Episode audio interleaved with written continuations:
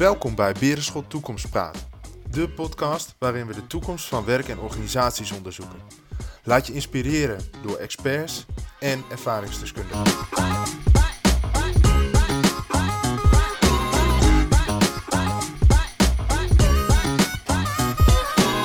Organisaties maken steeds vaker de beweging naar een meer wendbare organisatiestructuur.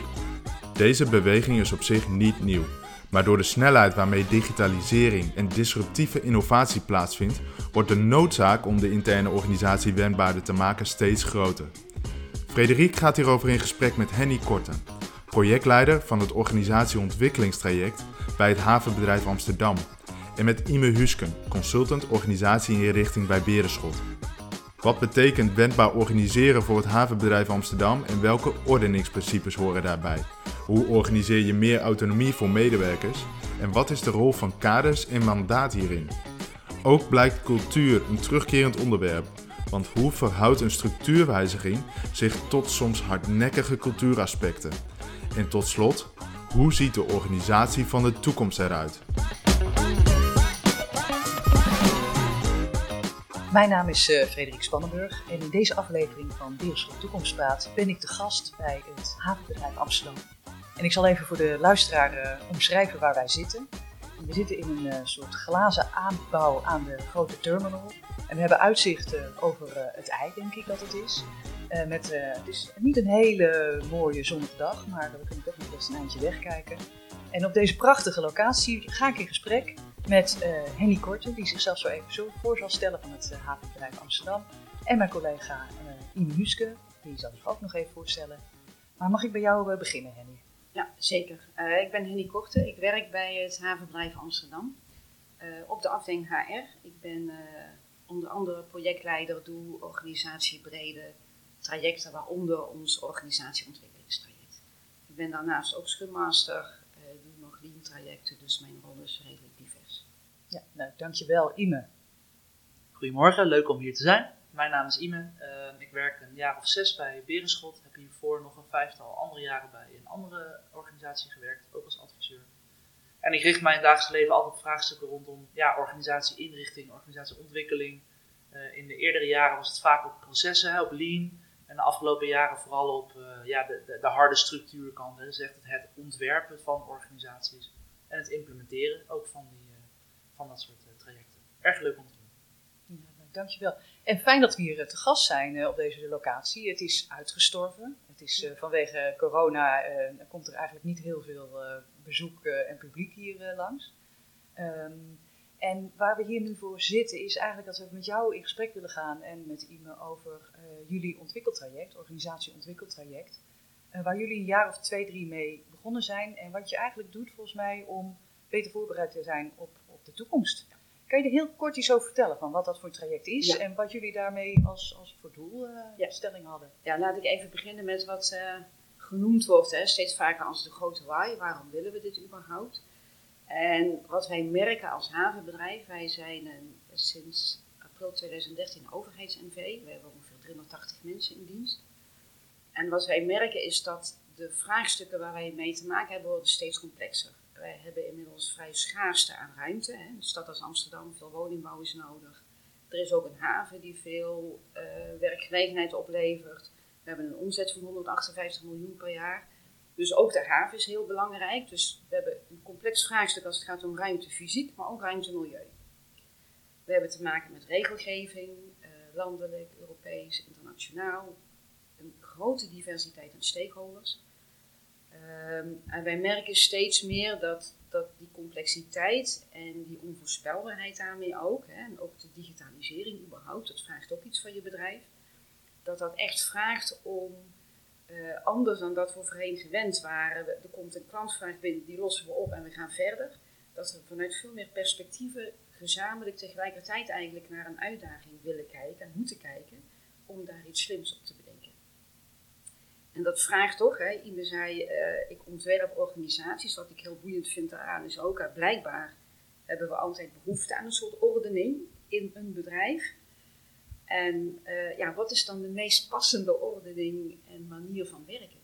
In dat speelveld, ja, complexe in, en speelveld. in dat complexe met al die stakeholders. Een deel van ons bedrijf heeft ook een publieke taak. Hè? Dus die, die, ja, die leggen verantwoording af aan die minister. Dat gaat over met de regelgeving, handhaving, toezicht. Nou, dat is toch een iets ander speelveld dan dat je commercieel gezien ervoor moet zorgen dat je genoeg inkomsten hebt uit havengeld en erfpacht. En dat hebben we in één bedrijf verenigd. Alleen al dat hè, geeft aan, ja, dat is al heel interessant. Ehm, en dan met die complexiteit die er nu bij komt, en zeker de afgelopen jaren steeds groter is geworden, het hele energievraagstuk. Wij zijn vrij goed in energieoverslag, om het zo maar te zeggen. Maar we hebben daar in onze strategie een hele transitie in voor ogen. Daar zijn we ook al fors wat jaren mee begonnen. We, zijn ook, we hebben al een paar jaar geleden gezegd, vanaf 2030 geen kolenoverslag meer. Maar hoe doe je dat als bedrijf? Ja. Je doet nog aan een statement en hoe zorg je intern dat je dat ook gezamenlijk vanuit infrastructuur, vanuit milieu, vanuit commercie, vanuit de publieke poot, dat je dat goed geregeld krijgt. Ja, mooi. En, en Ime, jij bent hier ook uh, bij betrokken hè, als, als adviseur. Wat, wat trof jij aan toen je hier voor het eerst uh, nou ja, met, uh, met Henny rondliep, kan ik me voorstellen? Nou, wat heel boeiend was van, van het havenbedrijf is dat er een, een groep best wel slimme mensen zit die heel veel passie hebben voor, voor, voor, de haven, voor de stad ook en ook wel voor de omgeving. Ja, die duurzaamheidsdoelstellingen, die, die voel je ook hè, bijna in de aderen van de mensen. Um, en tegelijkertijd zie je dat die behoefte om beter voorbereid te zijn op de toekomst, die voelde sommigen wel, hè, maar niet iedereen. Uh, het ging ook best goed, of het gaat best goed met het havenbedrijf.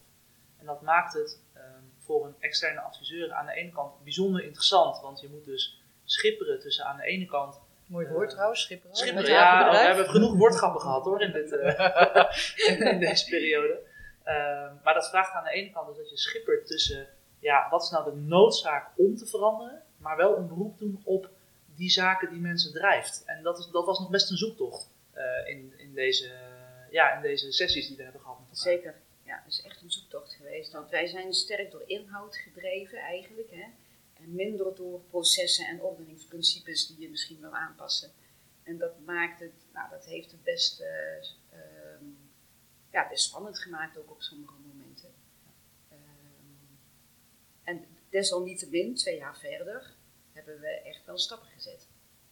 En je hebt het dan veel over die ordeningsprincipes. Zijn. Waren dat dan ook de, was dat dan ook de, het leidende ja. principe van waarop je naar je organisatie bent gaan kijken? Nou, eigenlijk uh, net niet en ook wel.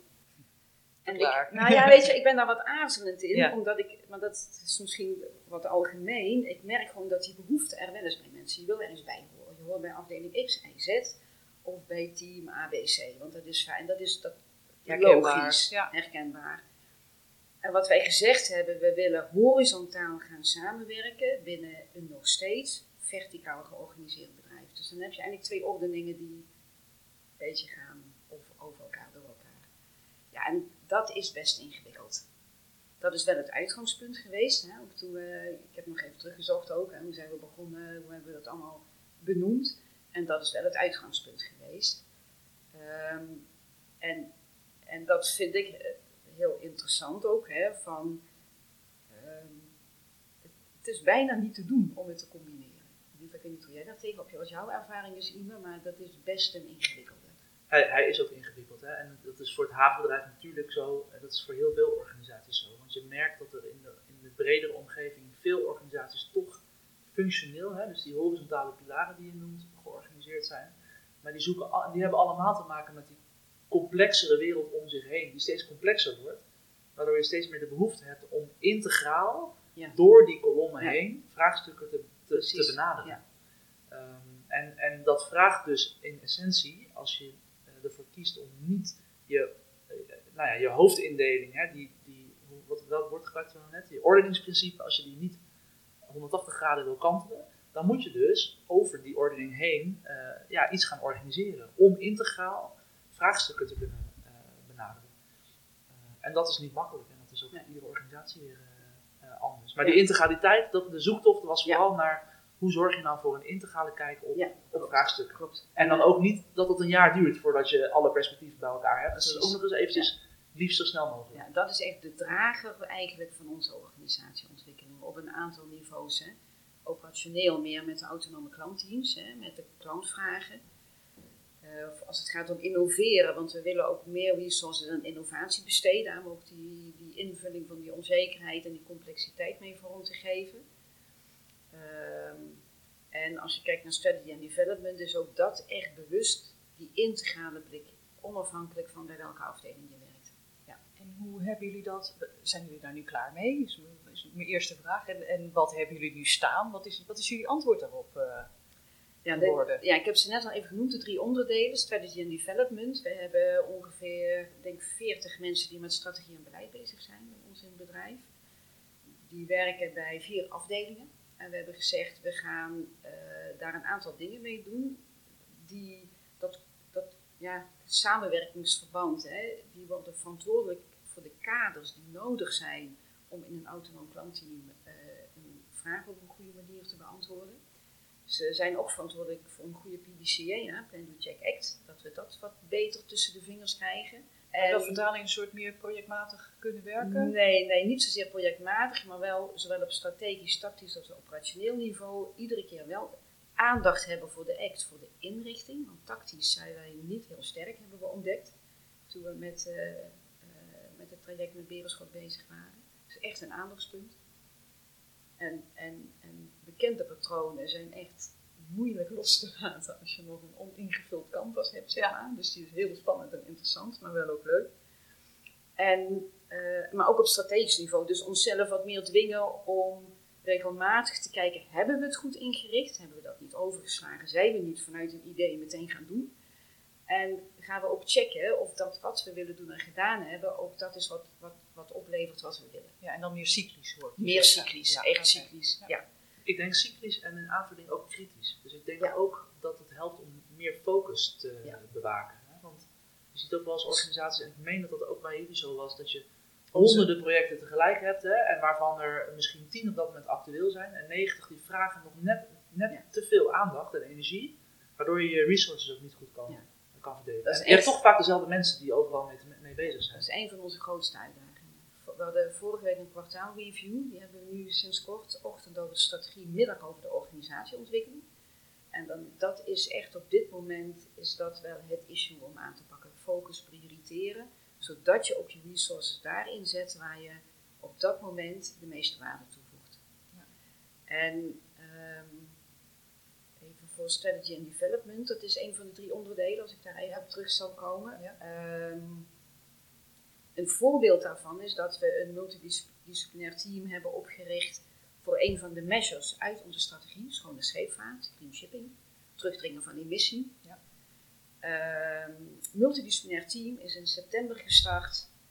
Ehm, nou, en je ziet nu al, vind ik zelf dan ook, vindt het team ook wel hoor, maar het gaat met vallen en opstaan.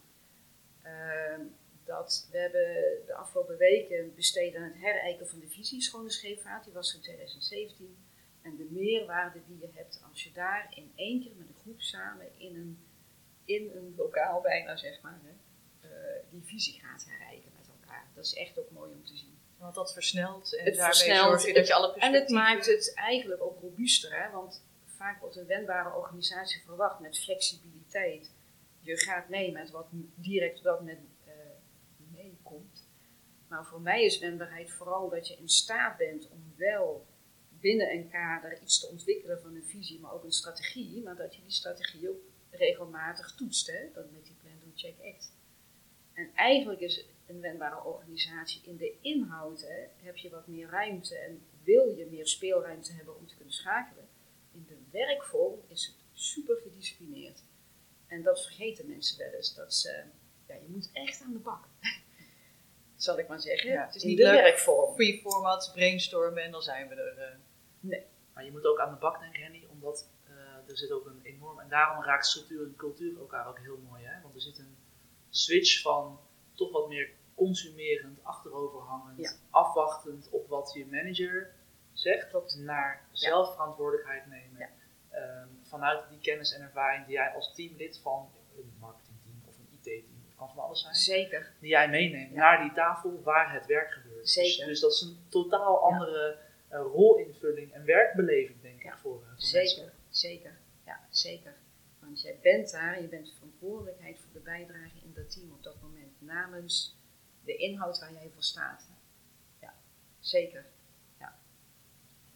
Henny Jun begon eigenlijk al met te vertellen dat je een soort drie pijlers hebt onder jullie nieuwe um, organisatieontwikkeltraject. en een daarvan heb je genoemd, dat is strategie en development. Ja. Ik ben benieuwd, wat zijn die andere twee dan? Kun je er ook kort iets over vertellen? Ehm, het tweede is innoveren en testen. We willen meer resources vrijmaken om met innovatie bezig te zijn. En dat is eigenlijk verdeeld in innovatie op aarde. Dat gaat om het veranderen van wat we nu al hebben we hebben dat ook changing the business genoemd. Hè. Dat is een andere veelgebruikte term daarvoor. En de basisvraag ook weer over het prioriteren en kiezen. Uh, en dat gaat echt om wat, wanneer leveren we het meeste waarde voor de klant. Dan hebben we nog Innovatiemaand Mars. Dat, is, dat zijn er wat meer onbekende dingen voor ons. Dat is een Team Explore and Go heet die. En die zijn nu uh, sinds, uh, denk ik, ja, ze zijn vorig jaar begonnen, vooral bezig om met ons bedrijf te kijken, bijvoorbeeld bij Team Clean Shipping, waar is behoefte aan wat meer uh, creatieve out-of-the-box ideeën om mee te denken. ze zijn ook twee innovatievisies aan het maken. dus die zijn echt aan het kijken hoe, hoe kunnen we um, dat wat nieuw voor ons is, ontdekken wat handig is om te gaan doen voor ons bedrijf. En als derde had je de, autonome, klantteams. Ja, en de autonome klantteams die zijn opgezet. Ik weet nog dat ook die groep in het traject wat we met IME hebben gedaan, hè, dat heeft veel discussie gegeven toen. Ik weet niet of je dat nog weet. Zeker. Van, uh, een autonoom team, hoe gaat dat dan? Hoe werkt het dan? Het voorbeeld wat jij net noemde, IME, dat was heel mooi. Hè? Dan zit je daar namens infra in een team of namens ruimte, milieu of wie dan ook, juridische zaken. En je, gaat, je, je hebt, krijgt een rol in het meebeslissen over wat we gaan doen met een klantvraag. Um, en die autonome teams zijn sinds vorig jaar oktober, november langzaamaan gestart. Daar hoort ook een overkoepelend klantteam bij. En dat overkoepelend klantteam heeft een marginale toets. Dus de bedoeling is dat die autonome teams binnen de kaders die er zijn, van wetregelgeving of duurzaamheid of wat dan ook, die we, kaders die we hebben, zelfstandig een besluit kan nemen. Ja. En het overkoepelend klantteam toetst marginaal. Oké, en Ime, als jij kijkt naar die uh, autonome klantteams, hè, waar, waar, zie jij dan, wat zijn daar de, de, de, de, belangrijkste voorwaarden om dat te laten, goed te laten verlopen? Ja, dat is, dat is een hele belangrijke vraag. Want uh, je ziet bij veel organisaties dat het heel makkelijk gezegd is. Hè? Wij gaan met autonome klantteams werken. Wij gaan meer decentrale regelruimte inrichten. Uh, best wel woorden die je veel hoort, maar om dat in de praktijk werkend te krijgen, uh, is een tweede. En wat je daarvoor nodig hebt, is op zijn minst, en die zei het net al, hele heldere kaders. Eh, wat er vaak misgaat bij organisaties, is dat er te makkelijk wordt gedacht: we leggen een opdracht neer bij een zelfstandig of een autonoom team, en die gaan, en die gaan dat wel oppakken. Terwijl die juist houvast, die willen heel graag zelf aan de slag, maar die hebben wel een kader nodig waarbinnen ze uh, mogen bewegen. En dat kan zijn budget, dat kan zijn vrijheid in, in, in ehm, welke mandaten ze wel of niet krijgen, dus welke beslissingen ze mogen nemen. dat kan zijn in hoeveel tijd ze eraan mogen besteden. Er zijn allerlei ehm, ja, factoren die daar een, een, een, rol in, in spelen. Maar het wordt vaak onderschat hoe lastig het is om een scherp kader neer te leggen. En daar zijn we ook veel tijd aan kwijt als we met, met uh, organisaties uh, samenwerken om juist die autonome teams goed in te richten om dan ook heldere kaders. En wie, van wie moeten die komen, die kaders? Nou, die kaders, die, vaak zie je dat daar een belangrijke stempel op wordt gedrukt van, vanuit uh, het management, hè? dus vanuit, vanuit visie, vanuit strategie. want het moet een bepaalde richting verstevigen. Je gaat als havenbedrijf een bepaalde richting op. Dus daar moet sowieso daar ligt een accent op. En tegelijkertijd uh, weet men in de bestuurskamer niet altijd alles wat er speelt. Dus dat is een hele leuke wisselwerking. Uh, ook daarin zie je weer dat dat eigenaarschap wat we net noemden uh, in die, dat nieuwe gedrag hè, van medewerkers, kun je dus ook je eigenaarschappen nemen om met het management samen die kaders verder in te richten. Het is ook niet een gegeven dat als je eenmaal binnen een kader een opdracht moet uitvoeren, dat dan dat kader niet meer ter discussie kan staan. Het is niet handig om dat elke dag te veranderen. Maar als je gaandeweg merkt, joh, op basis van nieuwe inzichten, nieuwe ervaringen, klantvragen die veranderen, technologie die, die ontwikkelt, uh, dat je dat kader moet aanpassen, dan, dan, dan zou wat mij betreft het logisch zijn dat je dat ook blijft doen. Breng me overigens wel een leuke anekdote dat wij bij het havenbedrijf traject wat we, wat we doorliepen, um, gelukkig zeg ik met een knipoog, niet te maken hebben met een groep mensen die zich heel erg makkelijk binnen een kader laten leiden. Dus wij hebben continu, hebben wij tijdens werksessies uh, moeten schuiven in de spelregels die we hebben gehanteerd met elkaar. Omdat het, het, het was vrij onmogelijk om een hele uh, recht toe, recht aan opdracht uh, ja. uit te voeren. Dus het was elkaar. meer begrenzen dan dat je ze moest Ja. uitdagen om Zeker. juist de grenzen op te Ja, zoeken. Ja. on- onze uitdaging nog steeds. Wij stellen de opdracht steeds weer ter discussie. Oh ja. Ja, dat is Ja. echt een hardnekkige ge- gewoonte. Wat ook natuurlijk iets moois en iets positiefs kan opleveren. Zeker, zeker. Ja, je ziet me aarzelen. Ja. Ehm, dat kan zeker iets positiefs opleveren. Het is ook zo dat een van de, van de componenten, vind ik, van wendbare organisatie met agile werkvormen is dat je de opdracht geeft je kader mee. En het is goed om je kader ter discussie te stellen als je vindt dat het knelt of te ruim is. Eh, wat ik ook merk is dat. dat Maar moet je ook zeggen, niet tot, niet tot in lengte der dagen. Nee, Op precies. een gegeven moment is dat het, Het is echt, dit is, dit is wat het is. Ja. En hier moet je het mee doen. Ja. Dat is de ene kant. Ik, wat ik ook nog wel eens merk is dat er gevraagd wordt: ja, maar is dit het kader echt wel en staat de directie hier wel achter? Ja, je hebt mandaat. Dat, die is ook nog ingewikkeld soms. Ja. Om echt te accepteren: oké, ik, ik kan er ook echt over gaan. En ik mag ook. En het mag. Ja. En management heeft hier ook eigenlijk ni- niks meer over te zeggen. Dat is het team waar ik in zit. Ja. Ja.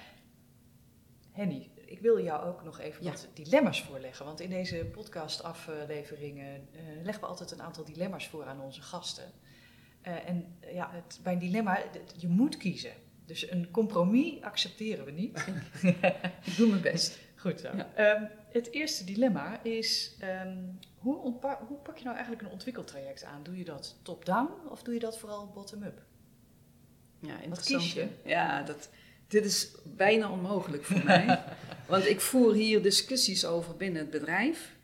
Van mensen die vragen, ja, maar de directie moet hè, op, de, op het podium en dit soort dingen.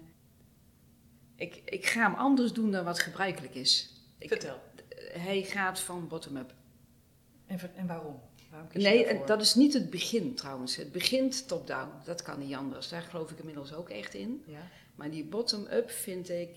ehm, En dat top-down heeft weer te maken met dat kader? Van er moet Ja. echt een, het het Ja. kader moet en, de no- en de urgentie van verandering. Die Ja. urgentie van verandering, dat is echt nodig dat dat van bovenaf gezien wordt of, en ook uitgedragen wordt. Wat ik mis, som, in, ook in dit traject, hè, is. Ik vind dat, dat mensen zichzelf soms niet genoeg waarderen voor waar ze mee bezig zijn en wat ze al doen en gedaan hebben. Als ik nu terugkijk met waar we drie, vier jaar geleden waren, dan doen we nu dingen die we toen niet deden. Of ik denk, nou echt gaaf hè, dat we dit inmiddels wel gedaan hebben. En een gevoel van verbondenheid in Ja. de verandering. Ja, Dus we klopt. staan er allemaal. Ja, eh, ja, dat is echt heel belangrijk. Ja. En ehm, volgende dilemma? Kom op. Het volgende dilemma is, als je je primaire proces inricht, Ja. doe je dat vooral langs hiërarchische lijnen of doe je dat vooral vanuit autonomie? Nee, ik, ik zou gaaf vinden als dat. eh, ook hierin, net als bij de vorige, ga ik voor dat wat niet voor de hand ligt, dat je het autonoom doet, omdat ik echt geloof dat dat moet kunnen en dat het heel ongebruikelijk is. Net als dat die, ik, ik hoop, of ik, ik hoop niet, uiteindelijk heel ver in de toekomst is ordening misschien niet eens meer nodig, omdat je niet meer. Ja, leuk hè, e-mail. Ik dacht dat ik, ik, ik, ik gooi hem erin. Iemand over, oh, heel ver in de toekomst ben jij niet meer nodig. Dat is een goed perspectief. Maar, dat, maar die is wel interessant. Hè? Ik hou soms van in extreme te denken, want dan zie je waar je nu staat. En als je stel, je hebt geen ordening meer nodig, wat heb je dan wel? Hè? Heb je dan nog iets of niet? Ik ga het misschien wat ver voor nu. Dus ik ga toch voor dat autonoom, ook al ligt het niet voor de hand. Laatste. En dat is, ehm, ik heb het dezelfde vraag gesteld aan een, in een andere aflevering. Ja. En dan ging het over eh, strategie. Ja, En eh, strategie, en er is een beroemde uitspraak natuurlijk, eh, culture eats strategy for breakfast. Ehm, maar laat ik hem nu anders formuleren. Structuur of cultuur? het beïnvloedt elkaar natuurlijk ook. Hè? Maar je moet kiezen. Ik moet kiezen. Ja, ik, ik geloof wel dat structuur iets kan doen aan cultuur. Cultuur kan natuurlijk zo hardnekkig zijn dat wat je in structuur ook doet, dat nooit lukt. En, dat, dat, En als je kijkt naar ik eh, zie, jullie ja, organisatie? ik, ik zie allerlei beelden en discussies nu voorbij komen. Hè, over waarin we het daarover gehad hebben. Hoe belangrijk cultuur is, hoe belangrijk het is. En hoe verschillend de beelden ook zijn over hoe, hoe onze cultuur eigenlijk is. Ja. Wij werken onder andere als het gaat om drijfverenachtig gedrag met Spiral Dynamics. Dat is Ja. vergelijkbaar met Insights. Nou, dan, dan kun je daar wat dieper induiken, zeg maar. Hè. En desondanks hè, geeft structuur meer houvast aan mensen. En dat hebben ze nodig. Nog steeds, hè. Ook al riep ik net, die ordening, doe maar niet meer. Maar structuur is nodig. Echt Dus jij kiest voor structuur. Ik kies voor structuur. Hmm. En dan is structuur is voor mij geen hark. Nee. Structuur is voor mij ook afspraken over werkwijze, over hoe vaak spreek je elkaar, eh, hoe, hoe koppel je de hou je reviews. Hè, dat is voor mij ook allemaal structuur. Manier van werken is voor mij ook structuur. En Ime, hoe hoe kijk jij hiernaar? Nou, ik moet natuurlijk even bijkomen van eh, de, over, eigen overbodigheid. mijn eigen overbodigheid. Eh, nee, ik, ik, ik vind het heel herkenbaar. Eh, ik vind het leuk dat je eh, Henny ook durf eh, laat zien, hè? dus in, in jouw an- antwoorden. Ehm, kijk, wij komen ontzettend vaak de afweging tegen, structuur, cultuur. En eh, wat, ik, wat ik merk, en dat vind ik ergens jammer, maar ook heel erg menselijk, is dat klanten, organisaties vaak de ene kaart trekken als excuus om niet aan de andere te hoeven werken. Ehm, dus, eh, en dat, dat, weet je, dat is, dat is ook niet, dus niks menselijks is ons vreemd. Ehm, maar als, je echt, als wij echt zien als experts op het gebied van organisatieinrichting dat er iets fundamenteel niet klopt en eh, men in een organisatie voelt misschien wel dat het niet klopt, maar hij heeft gewoon geen zin om te veranderen, want dat zie je natuurlijk ook hartstikke Mhm. vaak. Ja, dan, dan is over het algemeen niet de structuur het probleem. Dan zegt men nee, we moeten in onze cultuur gaan investeren. Eens. En vice versa zie- zien we ook echt voorbij komen. Want dan komt hij ineens heel dichtbij en dan vraag je ineens om gedragsverandering hè, bij mensen. Ja, nou, volgens mij heb ik gewoon een andere leidinggevende nodig of een ander takenpakket nodig. Want dat wat je nu van mij vraagt, dat kan niet. Dus het is, eh, daarom vind ik dit dilemma prachtig. Want ja, hoe kun je kiezen hè, Nee, uiteindelijk tussen die, Nee, tussen die twee. Ja. Eh, dus boeiend, hartstikke boeiend. Ja, Henny, ik wilde eigenlijk met jou ook, ook eens eventjes wat verder wegkijken. Je had het net al over aarde- en, en Mars-expedities. Maar als we nou samen eens in zo'n ruimtecapsule zouden stappen... En, eh, en, en we schieten onszelf weg en, en we komen over tien jaar weer terug hier eh, bij dit eh, prachtige bedrijf. Ehm, hoe, ziet het, hoe zit het er dan bij en, en wat zijn dan de belangrijkste ontwikkelingen geweest? Ehm, kun je daar iets over zeggen? En, en droom vooral, hè? Want je had het in die dilemma zo, gaf je al een beetje een voorzet. Maar Ja, hoe, hoe ja, kijk jij daar tegenaan? Ja, ik droom. Zo net droomde ik echt vanuit mezelf. Nu ga ik dromen vanuit het bedrijf. En eh, dat is natuurlijk anders, hè, want we zitten in een traject waarin nog van alles moet gebeuren. Dus ik probeer nu vooral te volgen waar zijn we mee bezig, waar loopt dat op uit. En dan begin ik even met dat we naast die drie pijlers, waar we het net over hadden, ook nog met vijf werkgroepen aan de slag zijn gegaan om voor het hele bedrijf te kijken wat betekent een wendbare organisatie. Op het gebied van leiderschap, op het gebied van samenwerken, hoe doe je dat dan hè? met een multidisciplinair team of in welke samenstelling dan ook. Je HR-instrumenten, eh, behoefte aan 360 feedback. ehm, eh, hoe, ziet je, eh, hoe gaat het met training, opleiding om kennis op te doen überhaupt hè? over wendbare organisatie en agile werken. En ehm, rollen in plaats van functies is daar een hele belangrijke in, die best taai is, hebben we gemerkt. We hebben ook een werkgroep gemaakt, Nieuwe Taal, omdat we hebben gemerkt dat dat leren van die talen, ik heb wel eens gezegd tegen collega's, je moet je voorstellen dat- je bij de bakker bent en je hebt echt geen idee hoe dingen heten.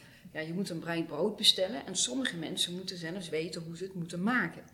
Dus diezelfde taal leren spreken is echt heel belangrijk. Nou, deze werkgroep heeft daar echt prachtige dingen in gemaakt ook al. En we hebben een werkgroep eh, eh, metrics gehad, want we willen ook meten of we succesvol zijn of niet als wendbare organisatie. Die werkgroepen hebben afgelopen juli of begin juli hun adviezen opgeleverd. Dus als ik naar de toekomst kijk, dat Ja. is dan geen tien jaar, nog iets dichterbij denk ik. Dan hebben we in ieder geval, en dan merken, hebben we gemerkt wat best interessant is, dat de adviezen van de werkgroepen HR-instrumenten, nieuwe taal en metrics best wel concreet waren. Hè. Er ligt een plan voor training, opleiding, eh, waar we mee aan de slag kunnen. Nou, Netflix heeft een mooi overzicht gemaakt. Dit zouden we kunnen meten, dit levert het op. Nou, er is al hartstikke veel op ons intranet. En samenwerken en leiderschap is, ja, dat is nog wat ingewikkelder. Niet ingewikkelder in de zin van onmogelijk, helemaal niet onmogelijk, zeker mogelijk, maar dat vraagt gewoon echt nog wat verdieping, hebben we gemerkt. En waar we dan over een paar jaar staan, we hebben mensen die weten wat voor soort organisatie we zijn, waarom we dat zijn, hoe dat werkt en ze werken ook zo. En dan heb ik het echt wel over hè, die autonomie, verantwoordelijkheid nemen, kunnen en durven nemen, willen nemen. Uh, we hebben ook instrumenten die er echt bij passen. Dus 360 feedback. Ik roep even in het blauwe hinein uh, geen beoordelingsgesprekken meer. Dat is ook zoiets hè, waarvan je denkt, nou ja, kan dat dan wel zonder? Um, Wordt al gedaan, hè? Dat doen ja. organisaties stappen er ook al vanaf. Ja, heel fijn. Ja. Heel, heel, goed om te horen. Ja, zeker. heel goed om te horen. Ja. Um, en um, als het gaat om, om samenwerken, en dan kom ik wel op dat cultuuraspect van net, hebben we geleerd om, en dan, ik denk dan in die Spiral Dynamics kleuren, in gezond groen, met oog voor de belangen van iedereen, niet eindeloos polderend, snel effectief besluiten te kunnen nemen. En dat leiderschap wat daarbij hoort is coachend, is uh, loslatend ook, echt leren loslaten. Best lastig voor heel veel leidinggevenden. Ja, ja dat is best lastig, ja. ja. En, en speelt daar nou ook nog um, um, zeg maar internationale ontwikkelingen een rol? Want ik kan me voorstellen, Rot, uh, nou ja, Rotterdam is natuurlijk een hele grote haven, was ooit de allergrootste, maar Zeker. ook al lang niet meer. Amsterdam is dan een, een iets kleinere speler, maar er komen natuurlijk ongelooflijk veel andere havenbedrijven wereldwijd en het wordt steeds globaler. Ja, klopt. Uh, welke ontwikkeling, wat is dat dan voor een invloed op jullie ja, positie? Dat, is, dat zie ik bij dat team Clean Shipping, dat multidisciplinaire team dat sinds het najaar functioneert.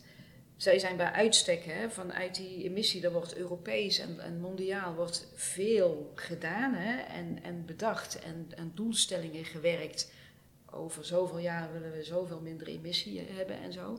En wat ik daarin nu zie, is dat als je het hebt over samenwerking, wordt die samenwerking heel erg gezocht. Dat, dat is echt aan het globaliseren. Ze hebben ook in hun visie een soort onderscheid gemaakt tussen de visie op lokaal. Hè? Wat willen we aan emissiereductie doen hier, hè, binnen, binnen de Amsterdam en de regio. En wat kunnen we bijdragen mondiaal? En mondiaal is bijdragen. Hè? En dat vind ik ook mooi. We worden ons steeds bewuster van de rol die we hebben als havenbedrijf. En we hebben, we hebben niet overal iets over te zeggen. Soms faciliteer je, soms kun je vooral stimuleren. Of kun je proberen te versnellen. Um, dus dat bewustzijn van die rol, dat, die vind ik ook heel mooi en, en belangrijk. Dus je ziet heel erg die kruisbestuiving, dat je je, je ja, tentakel, ja, tentakels bijna, zeg maar, over en weer, wordt er veel uitgewisseld. Zeker, zeker op het gebied van uh, wat ik zo zie, milieu en ruimte en zo. Ja. En, en Ime, ja, jij bent net al overbodig uh, verklaard, maar jij hebt daar vast een, een geheel eigen kijk op. Als jij nou eens tien jaar vooruit of vijf tot tien jaar vooruit uh, zou gaan kijken. Uh, welke ontwikkeling zie jij dan op jouw vakgebied? Organisatieontwikkeling. Ja, de, um, kijk, er zijn een paar mondiale trends hè, die daar ontzettend veel invloed op hebben. Ik zou, ik zou willen dat ik kon zeggen, over tien jaar zien organisaties er zo uit. Uh, en dan is toch de vraag hoe anders dat is dan nu. Hè? Want vaak denken we dat het allemaal heel snel gaat. Maar, en dat gaat voor heel veel veranderingen, gaat het ook heel snel. Maar voor organisatiestructuren lijken we wat langzaam te werken met elkaar. Lijkt dat langzaam aan te passen. Dat is niet van de een op de andere dag vaak gerealiseerd. Um, twee belangrijke drivers, denk ik, die daar toch heel veel invloed op gaan hebben de komende tien jaar, is aan de ene kant de, de extreme exponentiële toename van datagebruik. Mhm. En de innovatiemogelijkheden die, die daaraan gekoppeld zijn, de ontwikkeling op technologisch gebied. En dat heeft impact op primair proces, inrichting daarvan, dat heeft impact op uh, ondersteunende processen, dat heeft impact op banen, werkpakketten, takenpakketten, uh, uh, werk wat geautomatiseerd eigenlijk kan worden uitgevoerd, waardoor je je mensen op een andere manier weer kan gaan inzetten. Ehm, dus daar zit een heel blok rondom de versnelling van informatie, data, innovatie. Dat heeft heel veel impact, verwacht ik, op de nou ja, komende tien jaar als het gaat om organisatieontwerp. Dat raakt aan een tweede, en dat is ehm, eh, als je kijkt naar, ik noemde net al, hè, de mensen, de arbeidsmarkt. We weten allemaal dat het steeds moeilijker wordt om de juiste mensen te vinden. Maakt het dus alleen maar belangrijker om die mensen die je al hebt in huis, om die op zo'n manier bij te scholen, misschien wel om te scholen, dat die mee kunnen in die veranderingen die er gaande zijn in de buitenwereld, zodat je als eigen organisatie daarop kan uh, inspelen. Dus dat is meer vanuit een HR-perspectief, denk, denk ik dan. En de rollen die jij noemde, hè, dus we werken ook vaak met, we zien veel organisaties met generiekere functiehuizen werken bijvoorbeeld. Ja. dat is daar een heel mooi uh, voorbeeld van. Uh, uh, daaromheen speelt nog de, als je dan heel sec kijkt naar organisatieontwerp, uh, ik zie jou namelijk die vraag zo stellen, ehm, dan kom je uit op die beweging naar meer wendbaarheid. Ik denk niet dat die gaat afnemen. Ik denk ook niet dat die nieuw is overigens. Ik denk dat die al jarenlang, decennia lang, dat bedrijven al wel wendbaar willen zijn. Alleen de, het belang daarvan neemt toe omdat onze wereld complexer wordt, meer aan elkaar verbonden is, sneller beweegt, uh, ontwikkelingen zich uh, elkaar sneller opvolgen. Dus ik denk dat daarom de noodzaak aan uh, wendbaarheid sneller, sneller toeneemt. en dat kun je op een aantal manieren doen. Hè. We hebben er een paar net genoemd. Uh, maar dat kan ook bijvoorbeeld door veel meer uh, nou ja, autonome teams, noemden we, veel meer een keten centraal stellen in plaats van een functionele uh, silo-inrichting. en voor beide is wat te zeggen, maar we zien toch wel een trend dat er langzaam steeds meer organisaties processen van A tot Z gaan inrichten, zonder dat daar functionele knippen in zitten. en dat is denk ik wel een, hoop ik ook een trend die zich door gaat zetten. Tegelijkertijd vraagt dat ook weer, ja, dat zorgt weer voor andere problemen. Want hoe hou je dan de functionele uh, vakgenoten met elkaar verbonden? Uh, hoe, hoe, maak je daar beleid op? Hè? Dat zijn dan weer vragen die daaruit uh, uit voortkomen. En de laatste punt, als je het hebt over die toenemende ja, conglomeratie, zou ik het bijna noemen, ehm, dan zit het op een toename in ecosystemen. Dus buiten je eigen primaire ehm, keten om, die, de, de partners, ja, dat het ook al over Henny, over alle stakeholders met wie jullie te maken hebben, dat gaat alleen maar dichter worden op elkaar. En dat maakt, als je het hebt over sociale vaardigheden van mensen en competenties, uh, je, je sensitiviteit op wat speelt er in mijn omgeving wordt alleen maar belangrijker. Als er al een vaardigheid is die naar de toekomst toe belangrijk is, dan denk ik dat het sensitiviteit is voor wat er om je heen gebeurt. Dat dat echt wel een, een, een sleutel gaat zijn voor uh, een werknemer die, die, die, die, nou ja, die kan uh, floreren. Ik denk dat dat korte samenvatting is van hoe ik kijk naar uh, wat er de komende tien jaar gaat ja. Nou, wat, uh, en Henny, hoe klinkt dat? Klinkt heel goed, vind ik. en dat van die ketens herken ik. Hè. Dat is wat wij waardestroom hebben genoemd. Dat is echt ja. het inrichten op een keten. Ja. En ik geloof zeker dat, dat, uh, dat het echt gaat helpen, ook in het kiezen en prioriteren. Ja. En ik wat hoor je ook echt belangrijk is. Ja, en ik hoor je ook iets zeggen over dat vraagt ook echt iets van medewerkers. Ja. Ja. En, dat is niet meer sec je, je primaire taak uitvoeren, maar dat is ook oog hebben van in welke, welk systeem opereer ik, hoe werk ik daarin samen, wat is eigenlijk mijn rol, mijn bijdrage. Kijk, ik denk dat dat, ik denk dat, dat per medewerker natuurlijk verschilt. Hè. Dat is overal anders, maar in grote lijnen is mijn verwachting dat het hokje waarbinnen een medewerker werkt, dat het hokje gaat vergroten. En dat betekent dat je met meer partijen te maken gaat krijgen. Of je nou binnen juridische zaken werkt, of je nou in de operatie uh, werkt, of je nou bij ICT werkt. Ik denk dat het hokje groter gaat worden en groter moet worden, want we hebben met steeds complexere uh, vragen te maken. Ja, het betekent ook dat de hokjes elkaar sneller raken en overlappen. Dat is natuurlijk wat er gebeurt. En dat is denk ik waarom het vak organisatieontwerper nog steeds blijft bestaan. Ja, gelukkig. Happy end. heb ik, heb ik als, als, als laatste nog één vraag eh, aan jullie. Als je nou um, een, een, een tip, een suggestie of een vooral wat je niet moet doen zou willen meegeven aan de luisteraar. Hè? Iemand die voor hetzelfde traject staat of een vergelijkbaar traject staat. Wij, willen, wij kijken opnieuw naar onze organisatieontwikkelingen en wat we daarin te doen hebben. Wat zou je dan willen meegeven? Henny, eerst misschien aan jou.